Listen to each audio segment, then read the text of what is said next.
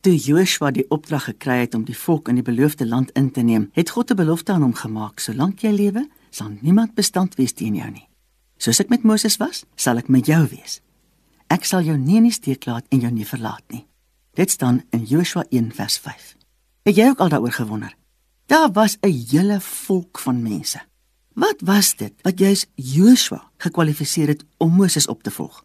Of moet mens vra, wat het Joshua gereed gemaak daarvoor om by Moses oor te neem?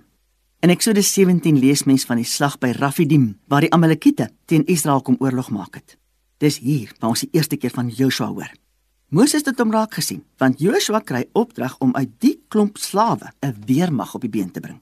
In Eksodus 24 lees mens weer van Moses wat op die berg gaan om God te gaan ontmoet en Joshua wat nou sy diensknegt genoem word, gaan saam.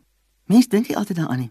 Terwyl Moses 40 dae in die teenwoordigheid van God op die berg was, het Joshua halfpad in die berg op vir Moses gewag, ook sonder kos of skuilings. Moses het God gereeld in die tent van samekoms ontmoet. God het dan soos 'n wolk oor die tent gekom en terwyl die wolk daar was, hoe lees Eksodus 33:11, dan spreek die Here met Moses van aangesig tot aangesig soos 'n man met sy vriend spreek. Daarna het hy na die laar teruggekeer, maar sy dienaar, Joshua, 'n jong man, het hom nie uit die tent verwyder nie. Daar staan selfs hy daar bly lê in die teenwoordigheid van God. Joshua moes eers staan saam met Moses die totstandkoming van so baie dinge beleef het, die tabernakel, die instelling van offers en baie meer. Maar daar was tog baie ander mense ook wat dit saam met hulle beleef het. Die verskil tussen Joshua en die ander was Joshua se ywer om God te leer ken. Hy het dalk die beste begrip gehad van die verhouding wat tussen Moses en God was en dit was wat hy ook begeer het. Dit laat mens dink. Jakobus 4 vers 8 sê mos: Nader tot God en hy sal tot jou nader. Enoch, Noag, Abraham, Jakob, Samuel, koning Dawid.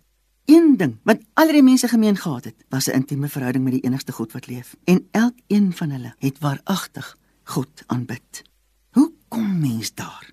Ons moet weet dat ons 'n verlosser nodig het. Dat Jesus ons verlosser is. Glo dan dat Jesus se vrymakende verlossing ook vir jou waar is. Dit is waar verhouding begin. Jesus, in U naam bid ek.